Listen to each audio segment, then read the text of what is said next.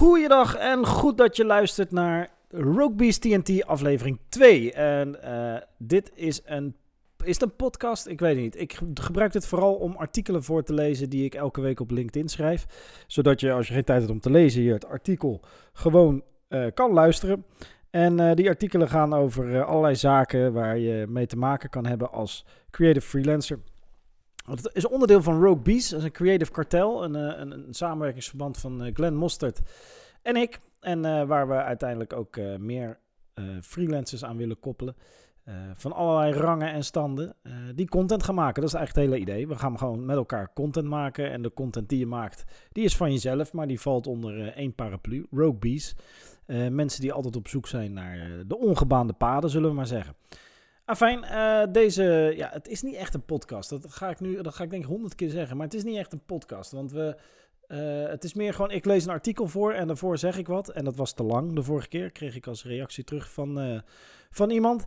Dus ik ga het proberen deze keer korter te houden. Uh, ik lees een artikel voor, ik zeg daarvoor iets, ik zeg daarna iets. En daarmee ben je ook gelijk weer op de hoogte wat je allemaal kan vinden op het kanaal van Rogue Bees. En tot nu toe hebben we um, vorige week één artikel. En dus deze podcast van vorige week, aflevering 1. En we hebben een video van, van Glenn waarin hij laat zien hoe hij bij Niels Barbecue werkt met flitsers, dus heel interessant voor fotografen. Deze week, als we het hebben over fotografen, komt de eerste aflevering van een nieuwe show, woensdag.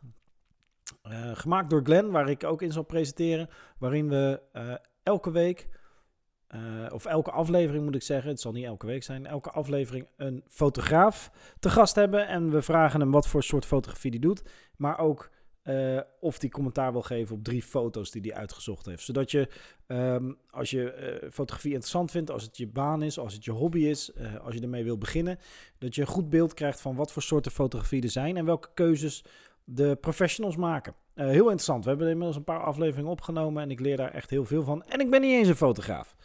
Maar goed, deze week het artikel dat op LinkedIn uh, staat, wat ik geschreven heb, uh, heet Hoe kom je als creative freelancer aan je opdrachten?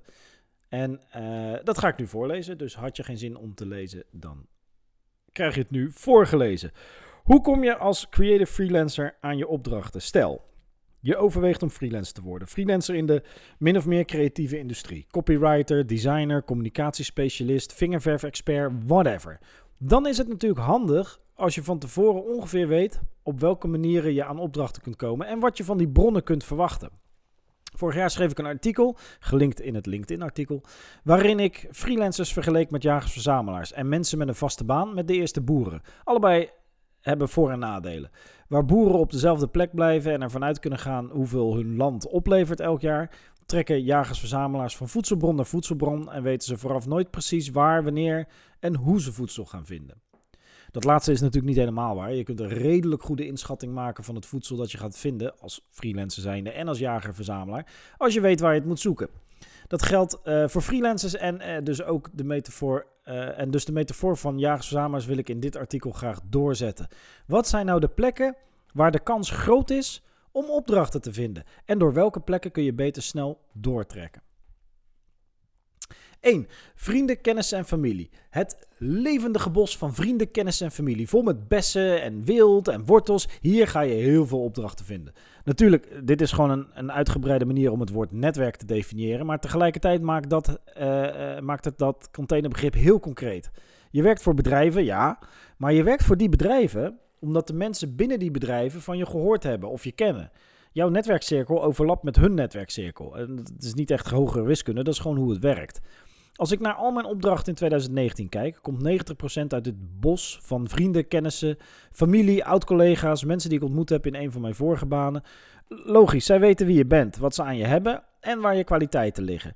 Je bent niet een portfolio of een cv, hoe spectaculair je die ook opgemaakt hebt. Je bent iemand die ze kennen. En dat maakt echt een groot verschil. De tweede plek. Vrienden, kennissen, familie van vrienden, kennissen, familie. Kijk, dit bos, je netwerk, dat strekt zich mijlen ver uit. Genoeg voedsel om te jagen, verzamelaar. En het, is zelfs, het strekt zich verder uit dan je in je eentje kunt zien. Misschien wel verder dan je ooit kunt rondtrekken. kunt rondtrekken.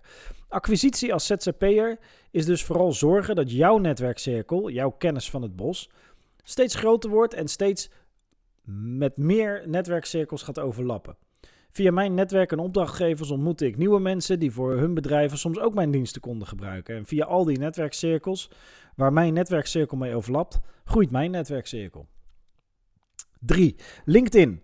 Laten we dit de rivier en de beekjes noemen die door het bos eh, stromen. Ooit schreef ik op geen stijl over LinkedIn dat het Hives is voor mensen met een baan. Dat was in de tijd dat Hives nog een dingetje was. Inmiddels is LinkedIn een dingetje. Ben ik daar uh, meer nog dan Hives? Ben ik daar zeer actief en een stukje goede hypocrisie is toch altijd wel even lekker. Vraag dat maar aan Dolf Jansen.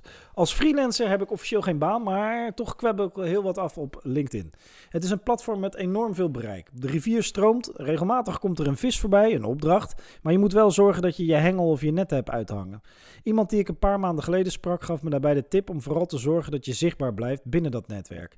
Iemand kan werk hebben waar je geschikt voor bent, maar op dat moment al even niet van je gehoord hebben, dan zal hij of zij ook niet zo snel aan je denken. Vond ik een mooie tip. Vandaar dat je nu elke week een artikel van mij leest op LinkedIn of naar deze podcast luistert. Behalve dat ik kennis probeer te delen die mogelijk interessant is, is het ook mijn manier van Hello World roepen in dat bos met opdrachten. Plek 4, vacaturesites. Dit zijn de grasvelden aan de randen van het bos. Er lijkt heel veel leven te zitten maar het is lastig te vangen. Het verschuilt zich in het hoge gras en het schiet weg zodra je er als jager-verzamelaar een voet neerzet. Althans, zo voelt dat met al die freelance vacature sites. Ik betaal diverse van deze sites geld, zodat ik mag reageren op opdrachten die daar worden aangeboden. Uh, Villa Media, die een tijdje geleden zijn veranderd in een opzet, freelance.nl, Planet Interim, dat soort sites. Er staan regelmatig mooie opdrachten op, bijna dagelijks, waarom het dus verleidelijk is om een abonnement te nemen. Tot nu toe is daar voor mij nog geen enkele opdracht uitgekomen. Ben benieuwd of er freelancers zijn die andere ervaringen hebben met dit soort sites. En zo ja, hoeveel procent van hun inkomen ze dan verdienen via dit soort sites. Misschien doe ik wel iets fout en die mogelijkheid is er natuurlijk altijd.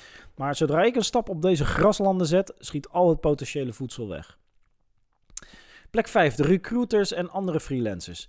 Natuurlijk kom je andere freelancers tegen tijdens het jagen en verzamelen. Soms trek je een tijdje samen op in dezelfde jacht. Soms wijzen ze je de weg naar rijke jachtvelden of goede visgronden. Ideaal. Ik hou ervan om samen te werken met anderen. Vandaar dat Glenn en ik Rogue Bees zijn begonnen. We verdienen er geen geld mee, Rogue Bees, maar we maken wel mooie dingen samen. En dan zijn er nog mensen die je tegenkomt die zeggen te weten waar je de mammoeten en everzwijnen kunt vinden. De grote opdrachten waar je langere tijd inkomsten van hebt. Dat zijn de recruiters. Die, die werken bij een bedrijf dat handelt in freelancers en opdrachtgevers. Dus een soort freelance pooiers, zeg maar. Inmiddels ben ik bij diverse recruiters en recruitmentachtige bedrijven geweest. Of heb ik ze telefonisch gesproken. Dat komt neer op ongeveer eentje per maand. En het zijn stuk voor stuk allemaal hele aardige mensen. Maar tot nu toe ook nog geen opdracht uitgekomen. Niet helemaal waar. Er was één enorm grote opdracht binnengekomen via een recruiter. Waarbij ik op gesprek ging bij die opdrachtgever. Daarna zelfs de mededeling kreeg dat ik de kandidaat was die ze zochten. Uh, binnenkort kon ik beginnen. Alles was in kannen en kruiken. Tot het een maand later niet meer in kannen en kruiken bleek te zijn. Wat voor mij een wijze les was. Zelfs als je de opdracht binnen hebt, heb je hem nog niet binnen. Je hebt de opdracht pas binnen als je de eerste uur hebt gedraaid voor de opdracht. En zelfs dan wil het nog wel eens onverwachts ophouden. Plek 6, Out of the Blue. Ja, dat is toch wel de mooiste. Je loopt als jager-verzamelaar plotseling tegen een enorme vruchtbare plek aan. Of als freelancer tegen een mailtje, berichtje of telefoontje van iemand die een opdracht voor je heeft. Die iets moois wil maken. Of gewoon een frisse blik van buitenaf nodig hebt. Elke keer ben ik weer verrast. Positief natuurlijk. Want uh, deels worden deze belletjes en mailtjes veroorzaakt door een aantal van de bovenstaande mensen. De eerder genoemde mensen en tools. Maar toch zie je ze niet altijd aankomen. Mijn idee tot nu toe was om een zo breed mogelijk vangnet uit te gooien. Social media, netwerk, sites, recruiters. Ik probeer voorlopig alles. En op die manier kan ik op den duur zien wat het meest effectief is en welke zaken ik los kan laten. Eerst schieten met hagel, dan steeds meer focus toepassen en weten op welke plek het voedsel te vinden is. Dat is zeg maar mijn plan. Maar ik ben natuurlijk heel benieuwd. Ik heb deze zes plekken. Maar ik ben natuurlijk heel benieuwd hoe andere creative freelancers, andere jagers, verzamelaars in de creatieve industrie aan hun opdrachten komen. Welke lessen jij hierin hebt geleerd en of je het houdt bij een brede vangnet of dat je een manier hebt gevonden om heel gericht te werken gaan in je werving van opdrachten. Laat het me weten.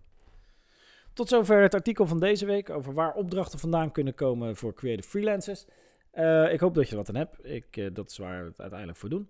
En uh, volgende week is er sowieso weer een artikel. Ik weet nog niet waarover. Uh, wat er ook deze week nog komt, is de, de, de, de, de nieuwe show van uh, Glenn. Uh, waarin ik ook mede presenteer over die foto's waar ik eerder wat over zei. En eh, we gaan gewoon weer mooie dingen maken. Mooie dingen maken met leuke mensen. Wat wil je nog meer? Tot de volgende keer.